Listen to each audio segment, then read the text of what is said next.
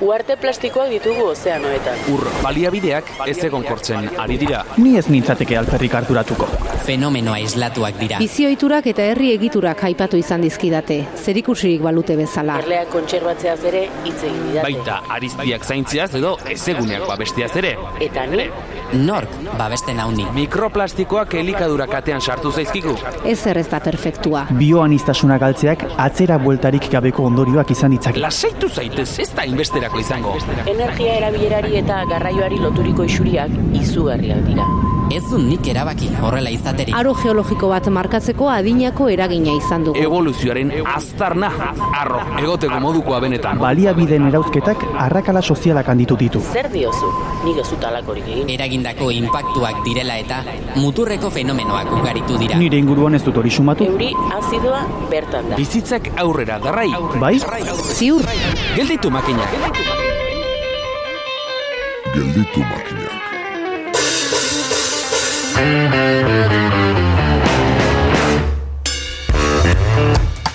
Batzuen ustez, pertsona bat ezagutzeko ez dago haren ozkailua miatzea bezalakorik.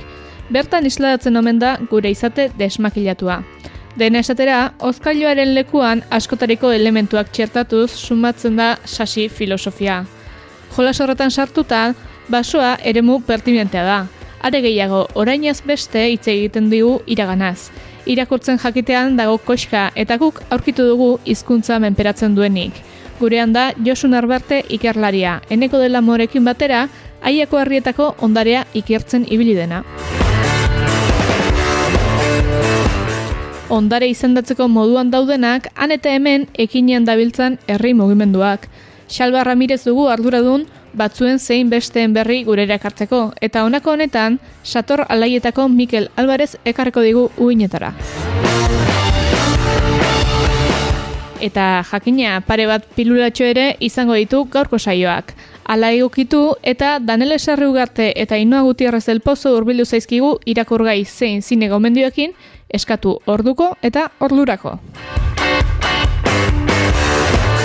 Hemen da hemen denez, gelditu makinak saioaren amalaugarren atala.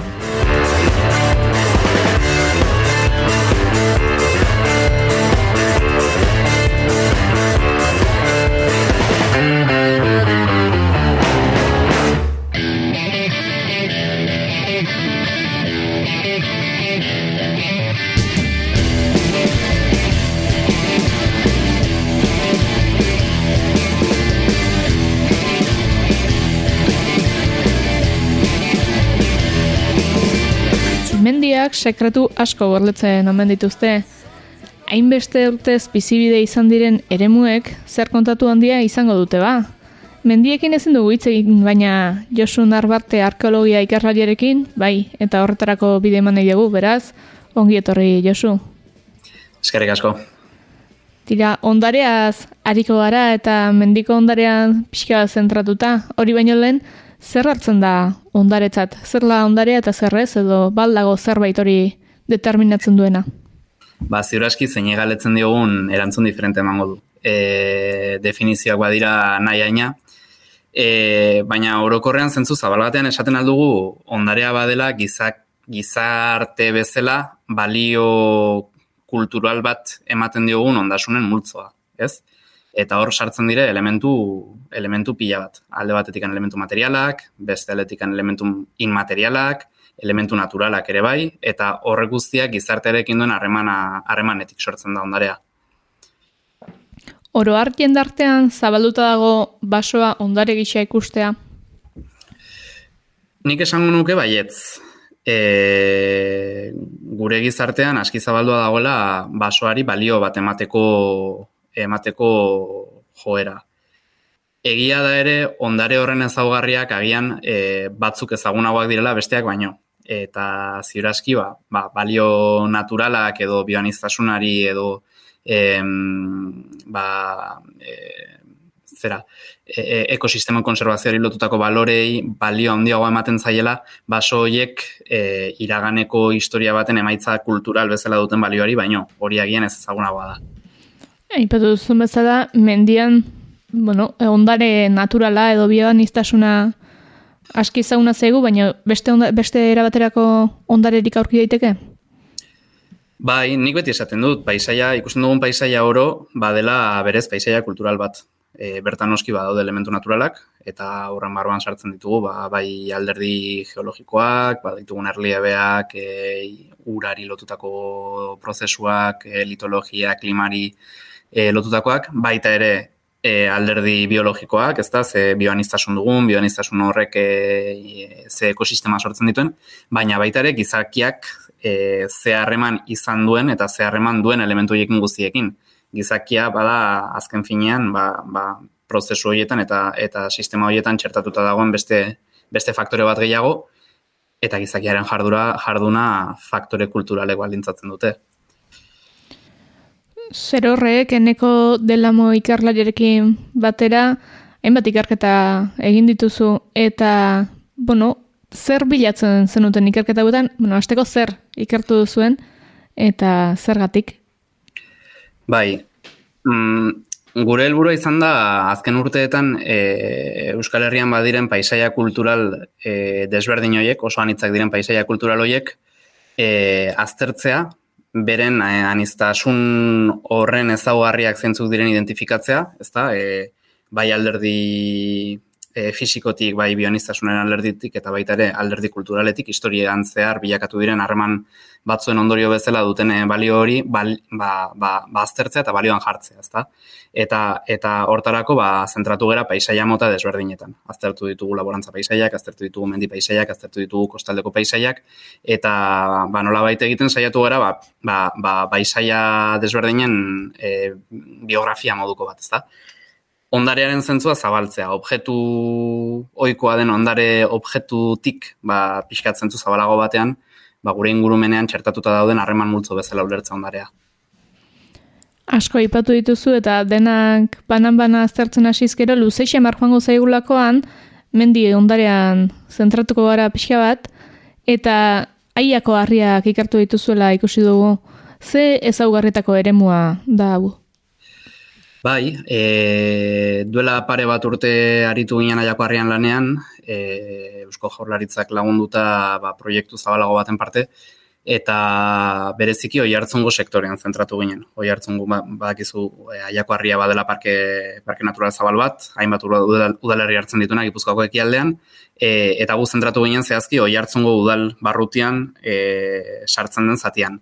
Eta gure helburua izan zen, nola baitere, ba, aiako harriak ba, Natura 2000 sarean e, babes bereziko gune bezala babestuta dagoen eremu hori e, ba, ba, hainbat balio mm, badituena ba, nola baitere deszifratzen saiatzea, ezta? E, gaur egun, aiako harriarekin, ba, aiarako gizarteak, edo oro argipuzkoako gizarteak, edo e, daukan harremana bada bat, baina ziur aski historikoki tokiko gizarteek e, aiako harriarekin eta aiako harrian dauden baliabidekin izan duten harremana ez da, ez da berdina izan aldatzen joan da ez da eta harreman horrek eta bertan e, sortu diren e, dinamikek ba ziuraski baldintzatu dut ere tokiko gizarteen e, bilakera historikoa. Beraz gure helburua zen hori, ba paisaiatik abiatuta iraganean izan diren harreman horiek gizakia gizartearen barruan eta gizakiaren eta eta ingurumenaren artean ba hoiek deszifratzen saiatzea. Lan horretarako, deszifratze lan horretarako, aurrez baltzen duten hipotesirik, usterik, aurkituko zenutenaren gainean? Bai, e, gurea baino lehen egin izan dira zenbait ikerketa. E, e, badire ikerketa historikoak, zentratu direnak, ba, adibidez, e, oi hartzungo e, udal erakundeek, ba, beraien komunalak, e, herrilurrak, e, mendetan zehar mm, izan duten kudeak eta historikoaren bilakaeran zentratu direnak, ez da, ba, pixkate iturri dokumentalak hartu, eta ba, ba, mendiguneen kudeaketari lotutako araudiak, eta eta interesak eta jorratu dituztenak erdiarotik aurregun arte. E, badira ere, zenbait ikerketa arkeologiko aztertu dituztenak adibidez, aiako harrietan izan diren e, meategiak, erromatar garaitik hasi eta emeretzi garramenderaino, eta horiek ere, baze bilakara izan duten. E, eta beraz, ba, bueno, ba, iruditzen zitzaigun, bazela toki interesgarri bat, ba, ja, e, zenbait balio badituen eta eta zenbait e, ikerketa egin diren inguru horretatik abiatuta, ba, pixkat, e, paisaia kulturalaren barri hori, kulturalaren balio hori eranzteko, ezta. E, hortaz, ba, abiatu ginen, e, ezagunak diren elementu puntual horietatik, ba, baso gintzari lotutako jarduerek e, izan duten pixu hartu, eta ba, ba, ba hoien e, e, arrastoak bilatzen hasi gera, ezta bertako paisaian edo abeltzaintzari lotutako arrastoak edo mehatzaritzari lotutako arrastoak. E, hori izan da gure helburua, gure abia puntua. Eta aurkitutako arrasto horiekin zer osatu duzue? Ba, mapa bat osatu dugu. E, guk egin duguna izan da, alde batetikan iturri dokumentalak hartu, beste aldetikan toponimia, beste aldetikan ba, e, alderdi fisiologikoak ez da, ba, bai e, e, geologiari lotutakoak, bai e, bionistasunari lotutakoak, eta baita ere, e, giza jarduerari lotutako arrastoak identifikatu ditugu. Orduan egin duguna izan da, e, miak eta arkeologiko bat, e, ba, sistematikoa, oi hartzungo udalbarrutian dagoen aiako harriko sektore osoa estali duena, eta egin duguna izan da, bi informazio mota bildu. Alde batetikan, e, lur estaldurak, sistematikoki dokumentatu ditugu, ze motatako lur estaldura dagoen aiako harriko toki desberdinetan, direla larreak, direla basoak, direla plantazioak, direla mota desberdinetako basoak ere bai, direla nekazaritzarako lursailak baserren inguruan edo sakabanatutako borden inguruan, e, hori alde batetik. Eta beste aldetikan giza jarduerari lotutako e, e, elementu materialak. Bai gizakiak eraikitakoak, hormak, bordak, e, mugarriak, e, baita ere trikuarriak edo monumentu megalitikoak badaudelako, baina baita ere gizakiak e, elementu biologiko batzuk kudeatzaren ondorio sortu direnak. Adibidez zuaitz motzak, adibidez e, mugarri bezala erabiltzen diren zenbait landare espezie, adibidez em, gizakiak e, erabilera bat eman dielako estaldura homogeneo bat garatu duten e, esparru zabalak edo e, edo bueno, masa monoespezifiko deitzen ditugunak.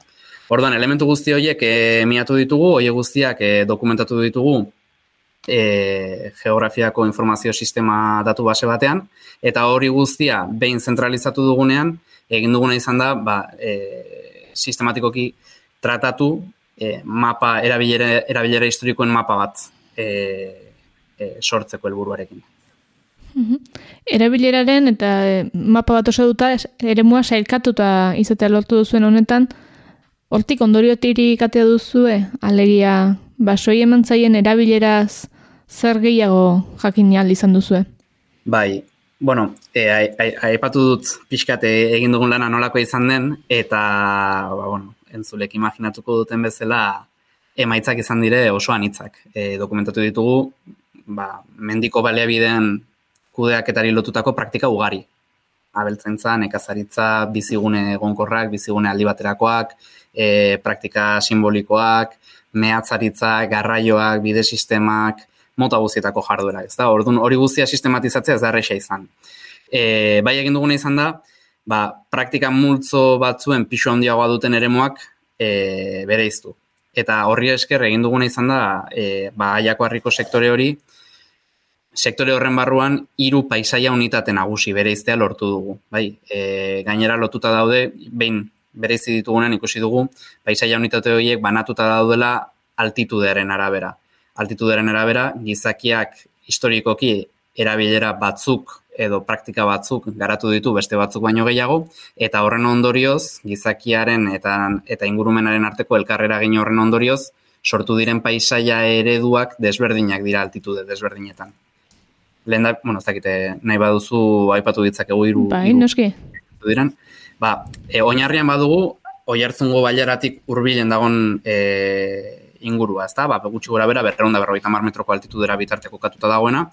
E, gaur egun, e, inguru hori e, herritar gutxik kontsideratuko luke mendi, ze gaur egun batez ere nekazaritza da nagusi esparroietan, ezta? Baserriak daude, sakabanatutako baserriak, ba hartzungo kasuan ergoien auzotik goiti edo karrik auzotik goiti dauden e, sakabanatuta dauden baserri baserriak topatzen ditugu.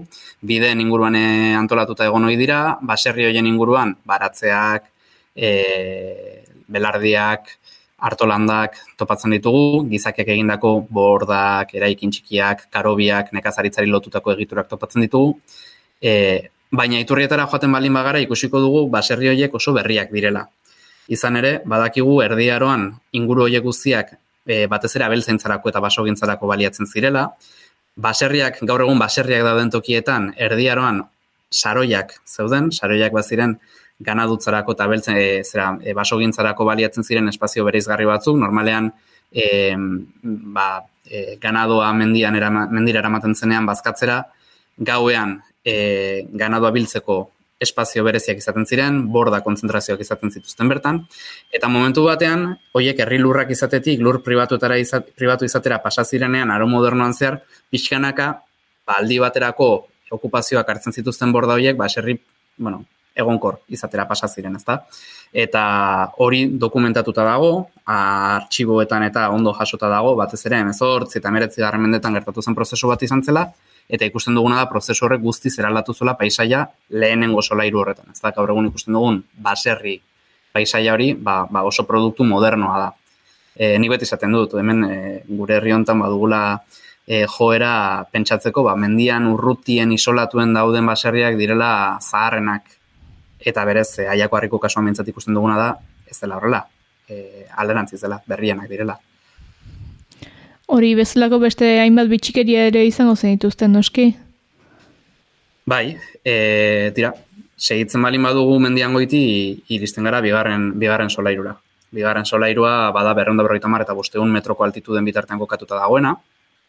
Gaur egun e, hori bada plantazioen erreinua e, baditugu pinudiak batez ere, oi hartzungo kasuan, baditugu zenbait plantazio beste espezie batzuekin, Douglas e, izeienak, baita ere aritz amerikarrak, eta bar, e, baina orokorrean, basoak baino plantazioak dira, altitude horretan topatzen ditugunak. Gizakiak modu konstienten eta modu sistematikoan, e, helburu produktibo batekin duela denbora gutxi landatutako plantazioak.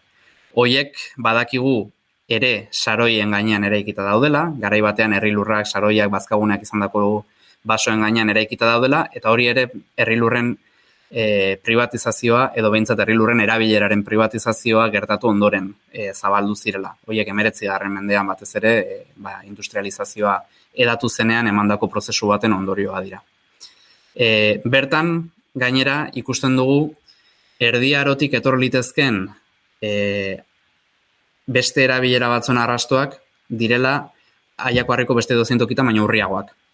Bordarik ez dago, saroiek e, zituzten garai bateko mugarriak, garai bateko partzela biribilen formak, garai bateko e, zuaiz bereizgarriak hoi guztiak orokorrean desagertu egin dira, eta ikusten duguna da lurrestaldura asko homogeneoak dituztela toki horiek. Hain zuzen ere, industrializazio lotutako erabilera produktibori izan dutelakoa egun da berrogeita urtez.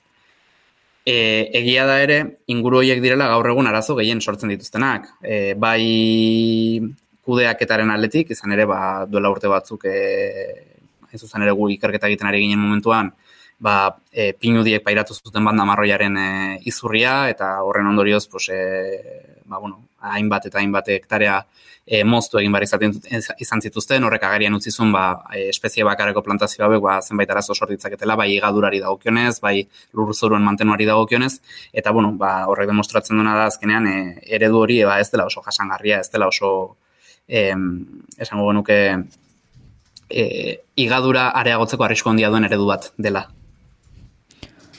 Zuek egin duzuen bueno, ondareari buruzko ikerketa hau eta horrelako ikerketen garrantzia zertan datzala esango zenuke? Ba, nik uste dut ematen digula perspektiba bat. E, gaur egun ditugun paisaiak eta gaur egun baliabideak kudeatzeko ditugun moduak, eta jarri dudan adibide hau plantazioena izan daiteke adibide hon bat, badira aukera posible askoren artean bat.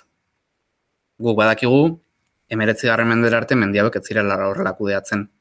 Mendiabek kudeatzen ziren herri lur bezala, orokorrean oso araututa zeuden erabilera batzuk ziren nagusi, e, bai sarbidea, bai ustiak eta bai e, ba, gatazka kudeatzeko moduak oso oso araututa zeuden, nahiko murritzak ziren, eta e, hori guztia oinarrituta zegoen ezagutza ekologiko batean mendetan eta mendetan zehar garatuta zegoena. Beraz, ikusten duguna da, badirela praktika batzuk mendiari lotuta baliabideak kudeatzeko orduan jasangarriagoak direnak, eta ikusten dugu badirela beste praktika batzuk aldiz igadura areagotzeko arriskuak daukatenak. Eta, bueno, e, ezagutza historiko horrek ematen digu materiala gaur egun ditugun mendi ondare horiek e, paisaia horiek kudeatzeko orduan e, erabaki ba, konstienteagoak hartzeko, ezta? Zuen ikerketatik pixka bat aldenduta, baina mendian edo basoan jarraituta, e, nahi nuke argitzea ea parke naturalen eta erabilera publikoko lurren artean ze, ze alde dago. Nahi patu dituzu herri lurrak eta nik ere zehaztu nahi nuke erabilera publikoko lurrak herri lurrak direla. Ze, ze alde dago kudeaketan batean eta bestelaren artean? Bai, e, herri lurrez hitz egiten dugunen, hitz egiten ari gara, e, erregimen liberala ezarri baino lehen, e, zegoen ereduaz, orokorrean. Bai, herri lurrak deitzen zaio komunalei, komunalakoa ziren, ba, e, antzinako erregimenean herri guztiak zeuzkaten zenbait e, lursail, toki askotan lursail, mendi, mendialdeko lursail gehienak izaten zirenak, eta beraien berezitasuna zen e, jabetza kolektiboa zutela. Jabetza hori herriarena zen, eta beraz herrian auzotasun estatusa zuten pertsona guztiek zeukatela sarbidea eta, eta parte hartzea haien kudeaketan. Eredu hori nola baitere eraldatu zen emeretzi garren mendean, e, Gipuzkoaren kasuan zehazki independentzia garraren ondoren, mila zortziron malautik aurrera, eta eman zena izan zen, e, herri lurren jabetza toki batzuetan, eta herri lurren erabilera beste toki batzuetan privatizatu egin zen. Hau da, e, lursail baten jabetza edo gutxinez erabilera e, pertsona bakar baten esku eta helburu bakar baten menpe gelitu izan da, ezta? E, egia da, aiako harria badela prozesu horretatik aparte gelitu den adibide gutxietako bat.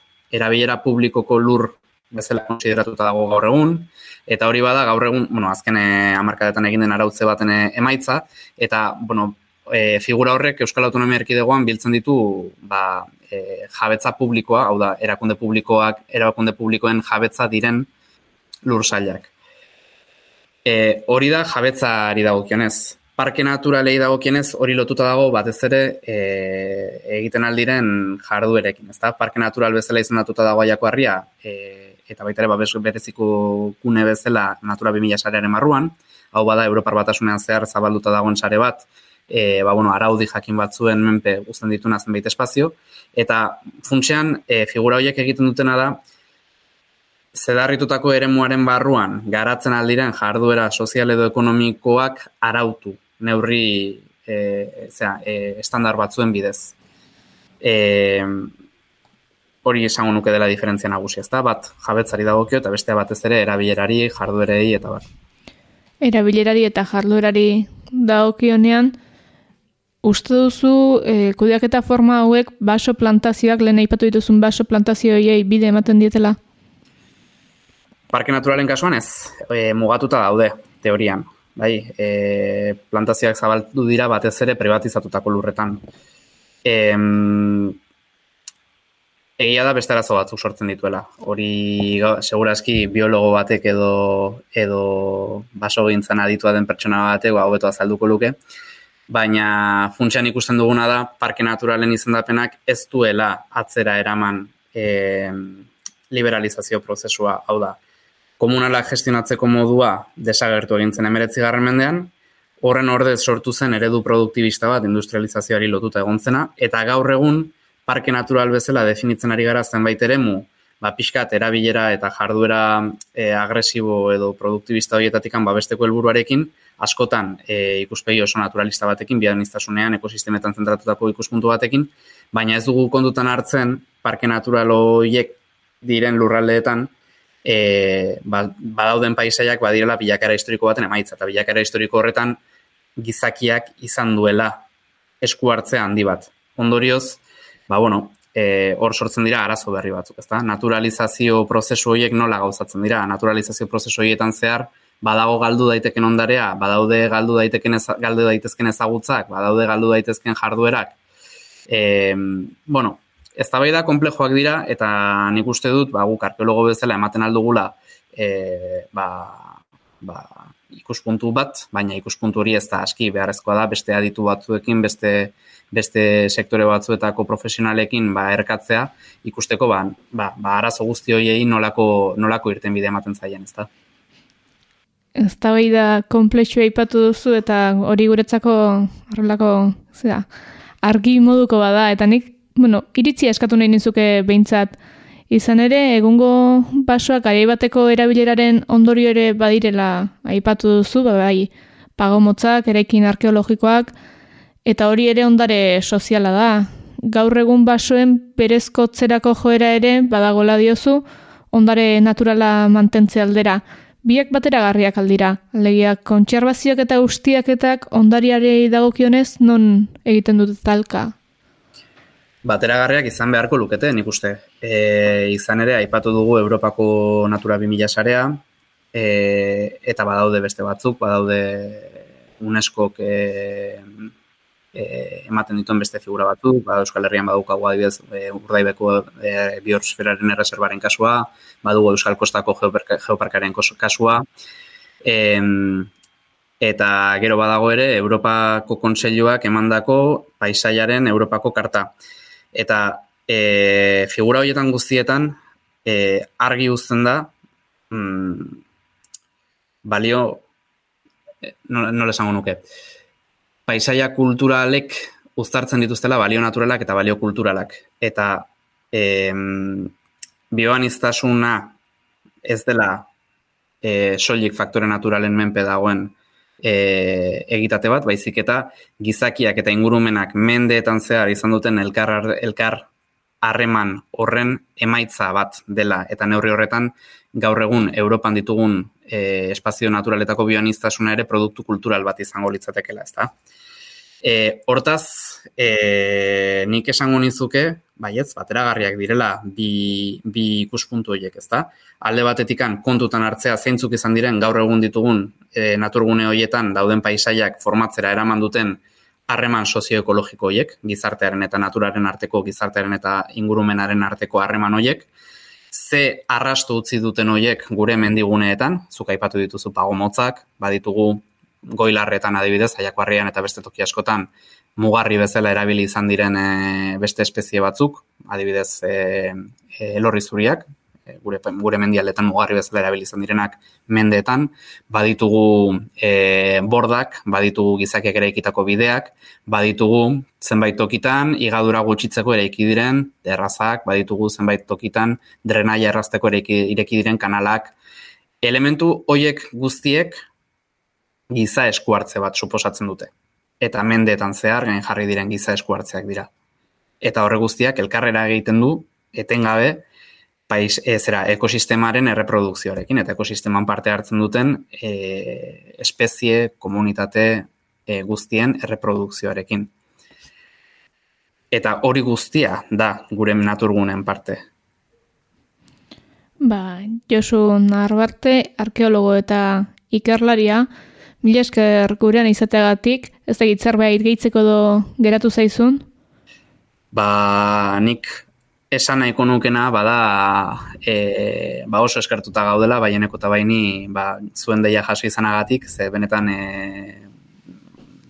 miresgarria iruditzen zaigu, ba, ba, edabideetan horrelako gaiei ere ahotsa ematea eta eta neurri horretan ba eskerrak eman nahi dizkizugu.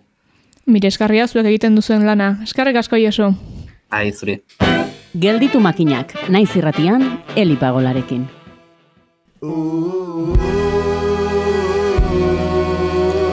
Mugimenduz mugimendu dabilen honetan, Xalba Ramirez sator alaien gana iritsi da.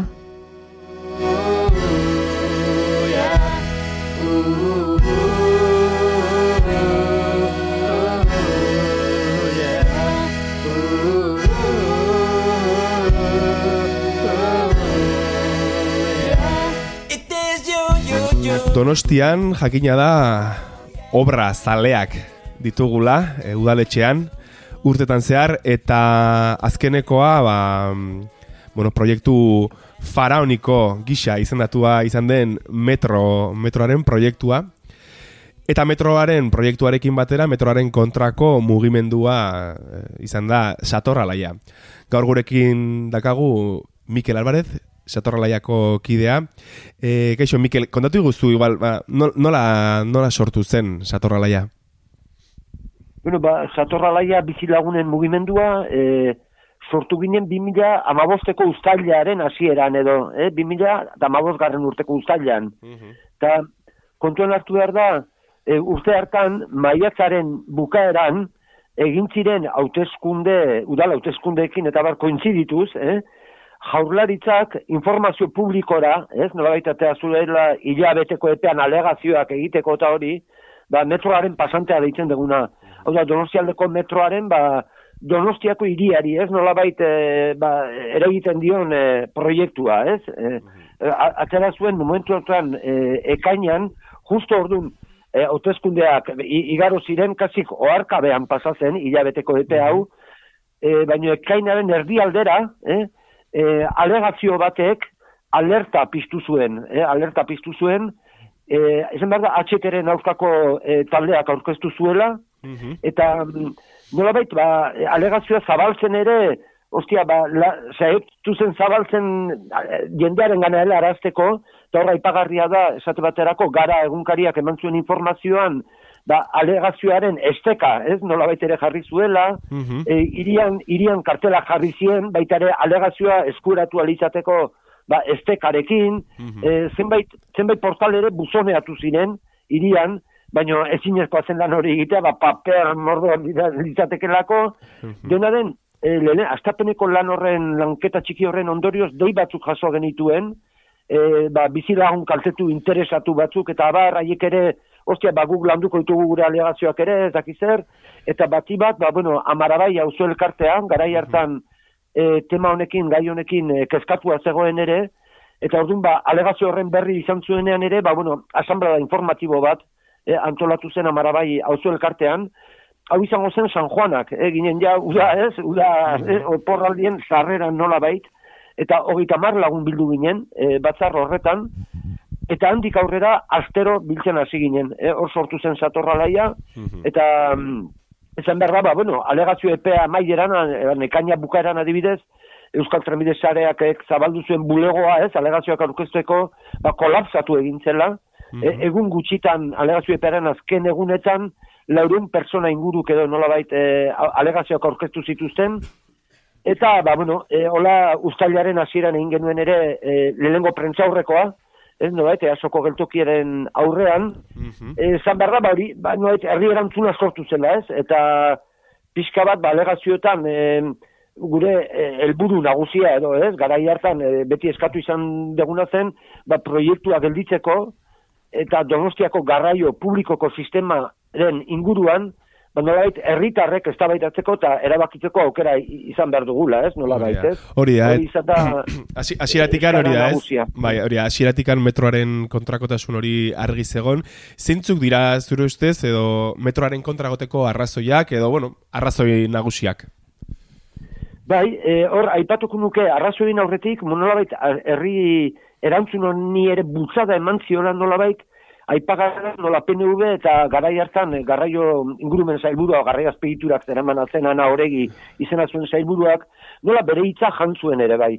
Hor, e, gogoratu behar da ere igual, Donostiako metroaren e, historian aurrekariak 2000 bederatzi garren urtean, ez? Hasi ziren Mhm. egitasmo bultzatzen ba, Patxi López, eh, Arriola, Ernesto Gasco, eh, Ernesto Gasco Donostiako eh, PSOeko burua nolabait, em, eh, 2000 behatzean Patxi Lópezek, ez, PSOeren gobernua, eh, Euskal gobernua osatu zutenean, bera gar, garraio zailburu ordea izan zen, eh, Mhm. Arriolarekin batera.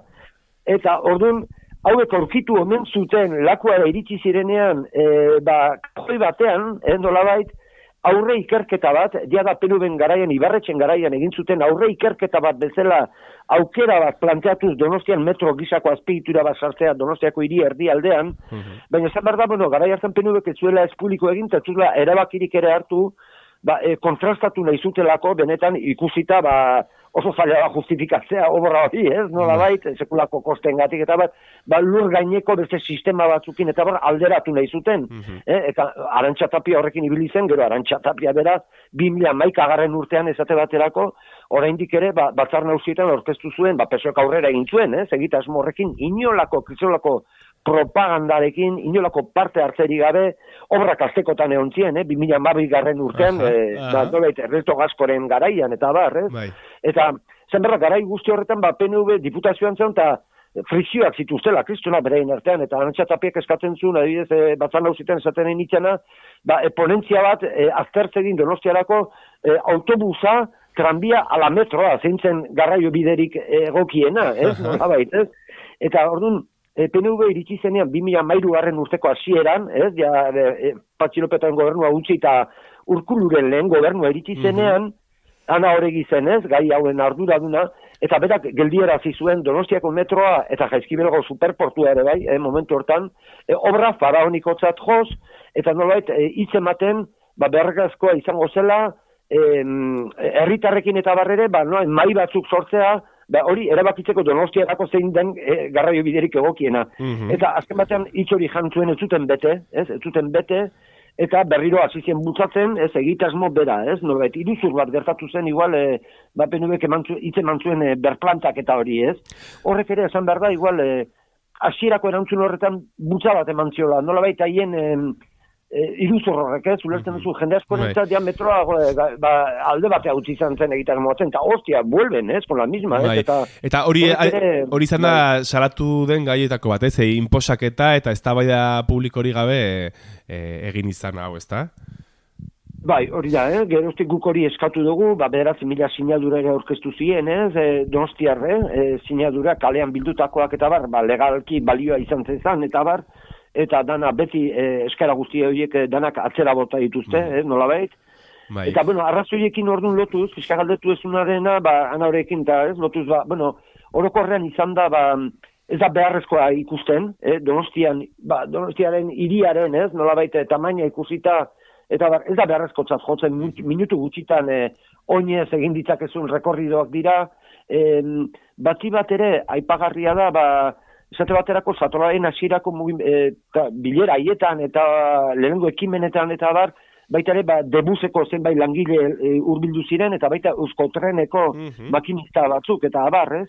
Eta hor ikusten da nola baita, ba, donostiako garraio publikoaren ikuspegitik ere, ba, nola baita ez dela konponbide eh, on bat, zikara postu ekibokatu bat dela, Mhm. jaularitzak plantatzen dulako, ba, metro abian jartzearekin batera, e, debuzen, eh? donosti buzen, hainbat lineak entzea, frekuentzia gutxitzea, horrek azken batean zenbait auzoetan eta batez ere, ba, mugikortasun gutxi edo persona helduei, eh? nolabait, iriz garraio publikoan irizgarritasuna aksesibilitatea gutxitzea ekarriko du, ez, nolabait, eta e, aldiz, e, baita ere, ba, topoa hobetzeko, egungo topoa hobetzeko eskualde mailan, ba, e, e, euskoteneko langile, ba, bueno, eh, argita argi, ba, ba, zeudela beste lehentasun batzuk, ez, benetan, e, ez, e, eta hori dena gibeldatzea edo atzeratzea e, ekarri du guzti honek, eta, bueno, gero zeuketa ekonomikoa, ez, e, Bai. sekulako zeuketa ekonomikoa suposatzen dula, hasieratik ere, e, lehengo batzarretatik jende asko bizilagun kaltetuak zentzu hortan, eh, obraren arriskuak, eh, nolabait eh, bati bat amaratik... Ho- eh, Hori hori galdetu behar nizun, ez? E, zuloak, zuloak eta izan dira, ia esatazian hainbat zulo, e, etxeak ere, etxetan ere, em, bueno, e, bueno, nabaritu, nabaritu dira obrak ba hainbat, e, bueno, ez, e, griten, gritekin eta eta barrez. Ze- Bai. ze- Zein da egoera, hau, ba, bizilagunentzat, ze arrisko ekarri ditu honek ere bai, e, auzoan. Bai, ba, alde horretatik, eh, astapenetik, ez ezagun bizilagun askok eh, indarrez, eh, no, eta hartarazten ziguten kezka hori, osea, ba, egiaztatu inda konkrezez, ez Bai, ezta? erderaz, ez, Bai. osea, ez benetan, eh, jo, gero agertu dako, hasien esaten zuten, ez, ez, obra guztia, ba, a, arrokan doa, ez, nola, iria erekita dago areatzaren gainean, eta areatzaren azpian dago arroka, ez, Bai. Eta, bueno, horrezan ezagun, 2019an, eh, ja pixkat aurrera gaudela, ba, eh, Donostia defendatu segontzen koordinakunde bat, ez? Eh, Bai, Donostiako hiri bai. eredua kustionatzen bat talde diferenteak eh, biltzen ginena. Ba, Donostia defendatu zen, lan, landu zen eh, problematika honen inguruan ba, eh, dokumentu bat, ez? Aurkeztu genuen bai Eusko Trenbide sarean, udaletxean, inork erantzun ez zuena noski. Mhm. Eta bertan, ba, esplikatzen zen oso ondo problematika zein zen, ez? Da, nolabait, eh, noiz arrokan jun, esan zen iriaren azpian, ur filtrazioa gertatuko zirela ezinbestean obrara, Claro, eta bai. ur filtrazioek areatza, kapa nolait, desegon kortzea dakarterra, eta horrek ereikinen eh, egonkortasunen eragiten dula, eh, nola bait, ez olako goza da. Problematika hau, proiektuan ez zuten inundik inora aipatzen, eh? erabat deskonozitu bezala egiten zuten, ez, ez zuten kontuan hartzen, noiz eta gero, ba, jakina da, eh, joan den urtetik eh, 2008 garren ekainan eh, lehenengo zuloa gertatu zen, lehenengo istripularria hor kontxa eta kale zubieta Bai. eta inguru horretan, Bai. ba, geroztik azaleratu diren dokumentu guztietan, ez, ba, proiektua geldiarazi behar izan zuten, eh, hainbat eh, modifikazio eta bar sartu se- sekulako gain kosteekin, ez, eta guzti hau, bueno, be, ba, dokumentu guztietan beti problematika eh, honetaz aritzen dira orain. Eh? Mm. Osea, nolabait, arrisko handia dagoela proiektu ofizialean, eh?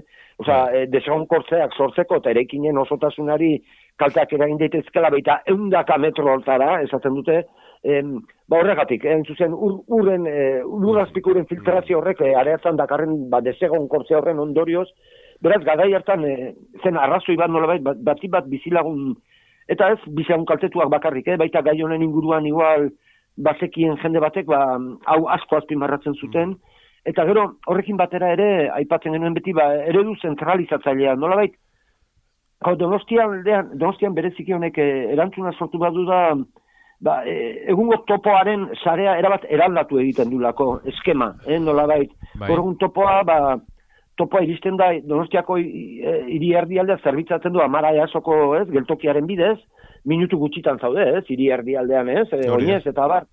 Baino, haiek egiten dutena da, sare berri bat sartu, hiri barruraino, eta hortik antigo unibertsitate, sinuseketa, ez, e, berriro eskotenekin lotu.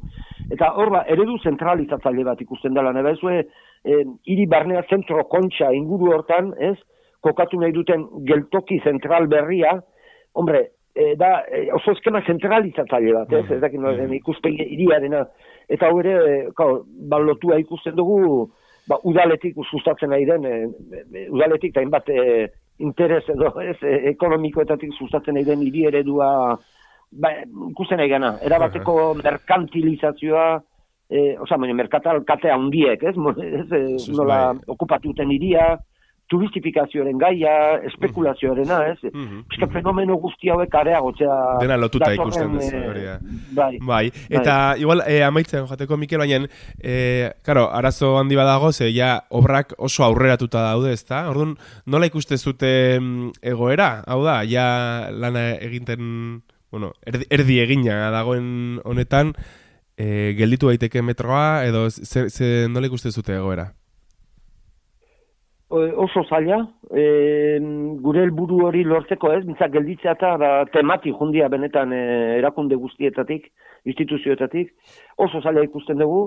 E, e, kao, e, gaude momentu pizkat zail batean, batzutan ez dugu asmatzen ere, herri mugimendu bezala ez dugu azartatzen gure ritmoa eta gure indarren araberako ba, ekimenak ere aurrera ateatzea. Ulertzen, ez dakit, momentu zail bat daukago alde horretatik, dena den, e, e, bueno, e, obra honeko, e, kau, beste lau urtez e, luzatu egin da, ez, sortu diren arazo guztiekin, kau, egin behar dute segulako sobrekosteak, baina obraren luzapen bat dakar honek bai, Claro. 2000 eta hogeita Bai, bost bai, garren bai. arte, e, garbi dago danak esaten digute hori arazoak egongo direla, alegia ba, erabaki dute ba, porlan injekzioak, e, geofame, bai, poliestireno, espandidor, hiri, e, bai kontxan eta bai hiri erdialde guzti horretan injekzioak egitea jotak, eh, eh, lur, lurpe hori uste sendotzeko eta bar, baino danako hartarazten dute arazoak egongo direla. Osa, uste dugu benetan, eh, osa, aldartzitik berretzin dela, nolabait, eh, arrazoia izan dula herri erantzun horrek, ez? Al, alde askotatik eh, nabarmen gelditu dela, ba, haiek ere egin dituzten akatsa handiak, ez? Zentzu horretan, ez? Baina, em, haiek aurrera jone dute edo nolako hausnarketaren gainetik, ez? Nolabait, Mhm. Ba, ikusten ari garena hori da, ez? Evidentzia guztien aurrean eta arazo guztien aurrean, ba, diru, diru gehiago eta eta lan gehiago egite dutela, ez? bai, bai, bai, hori da. Ba, bai. guk, eh, bai, eh, daukagu asmo bat ere, ba, bueno, inguru inguru bat ezauteaterako azken zen hiri ereduaren inguruan, Mhm. eh, bueno, ba, badugu asmo bat ere, ba, berren, igual hori, eh, donzian sustatzen egin hiri eredu horren inguruko bat talde diferenten artean berriro bildu eta igual puntu aman komun batzuen gainean, ba, ekimen batzuk bultzatzea, ez, edo, Mhm. e, baina hori ez, zaila, une honetan egon gara, ba, asko aztertzen ere, ba, oin, adiz, e, kosta zerbitzuak eman du baimena, ez, e, ko- e, berrasteko obrak orkontxan, orduan, e, aztertu dugu dokumentazioa, e, bain dugu kritika bat, piskat tema horrekin okupatuta, osea, gu segituko dugu, eh, talde hortatik, e, ostia, ba, jende askok ere, batzuk esan, nolabait, em, zorionak ez, baina bai, esaten dutela, ostra, ba, igaroen denbora guztia, unaizta obrak, hainbeste aurrera egin tabargu, satorralaiak segitza hor bere salaketa egiten, eta gai honekin, eh, jende bateko zondo hartzen du, eh? Nola baita... Bai, zalantzari gabe, dute, eh? Nola zalantzari gabe berrezkoa delako, ez, eh, norbait, Bai. norbait gutxienez, eh, oixe, sustatzea, ez, eh, kontrakotasun hau eta agerian ustea, ba, gertatzen ari den, bueno, Bai, astakeria hau, bai. ez? Ba, eskerrik asko, Mikel, eh, gurekin egotagatik, eta, bueno, nahi duzun arte. Vale, miliskartu egi, vale. Vale, ba. Gelditu makinak, naiz irratian, Eli Pagolarekin.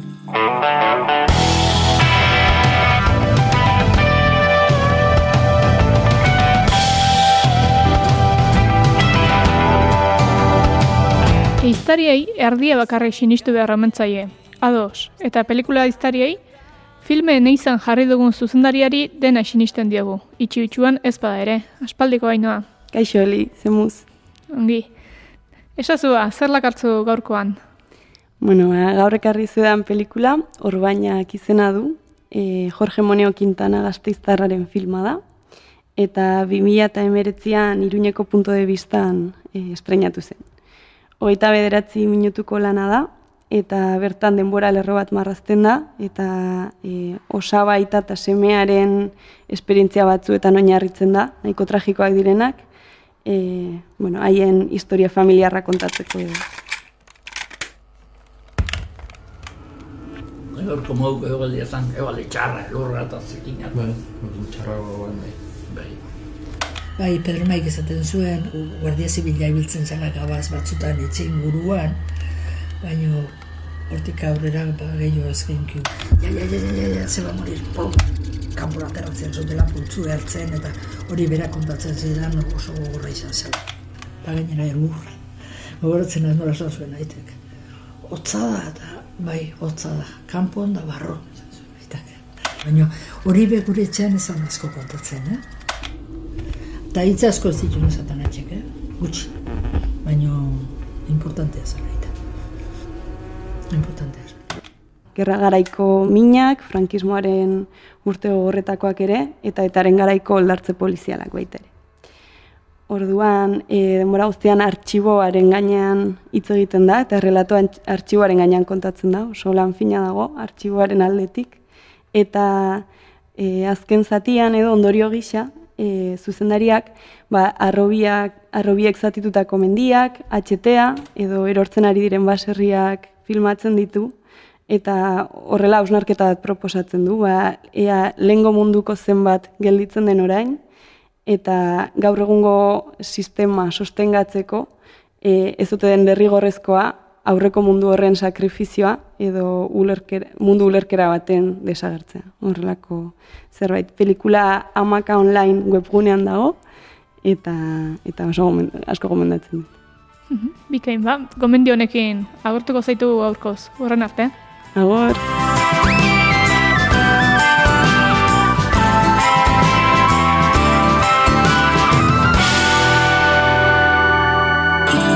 Gelditu makinak, naiz irratian, Eli Pagolarekin.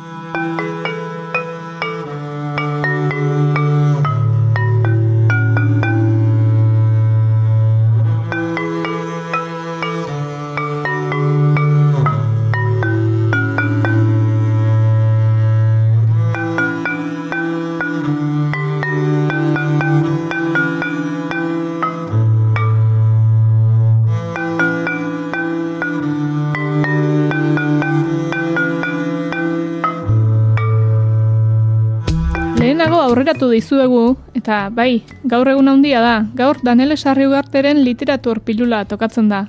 Ongi etorri, Danele. Eskerrik asko, Eli, lotxera ziko nauzu olako baten. Bueno, gehiagotan ingo dut.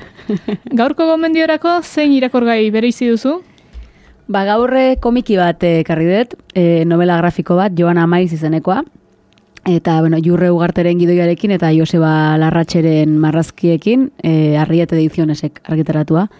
Honezkero askok agian ezagutuko duzue, baina, bueno, liburu hontan kontatzen da emakume Laura Dore Ozola izeneko handineko andre baten historia, eta, bueno, bera, bere baserrian bizi da, baina baserritik botako dute tren bat ere ikitzera doa zelako, e, uste dut ezaguna gengo zeigola historia, eta, eta bueno, ba, resistentzian mugimendu baten e, kontaketa da, uste dut horrelako borrokak, e, horrelako borroken berri gorde behar dela, naiz eta batzuetan azpi egitura horiek ba, aurrera jarritzen duten, kasu hontan bezala. Eta, eta bueno, ba, oso historia oso ederra da, marrazkiak e, bikaina dira, badago e, baudelako estena batzuk, gorri osoko estena batzuk, ba, niretzat oso mm, ez dakit indartsuak, Joseba Larratxek eginak, eta oraindik irakurri ez baldin baduzu, eh? Oindela pare bat urte argitaratu zela uste dut, ba, ba bueno, hortxe daukazu gaurko gomendioa. Arrapatzeko moduko novela grafikoa da bai. Kontuen hartuko dugu eta eskarrik asko etortze gati danele. Zuei horren arte.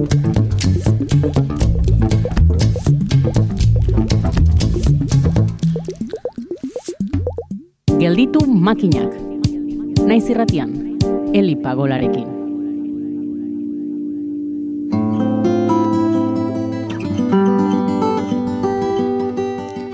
Danele agurtu bezala, zu ere urrengo saiora arte agurtuko zaitugu entzule.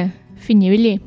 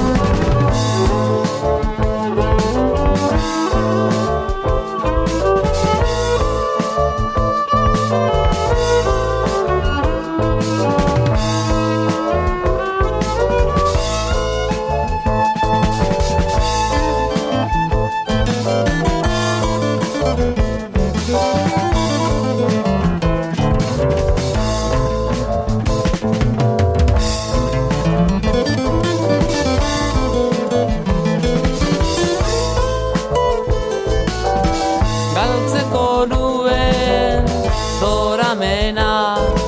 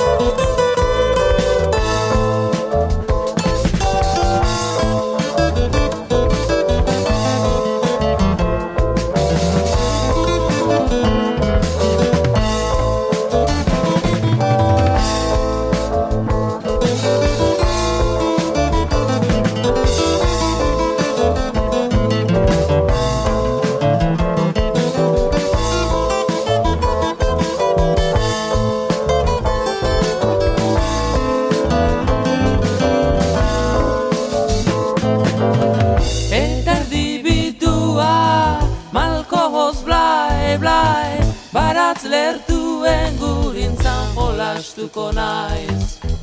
Egundo maite, haizeak ez. Ez ditoña zearen gonari jasoko ez. Ez gaur, aingerua hormatu da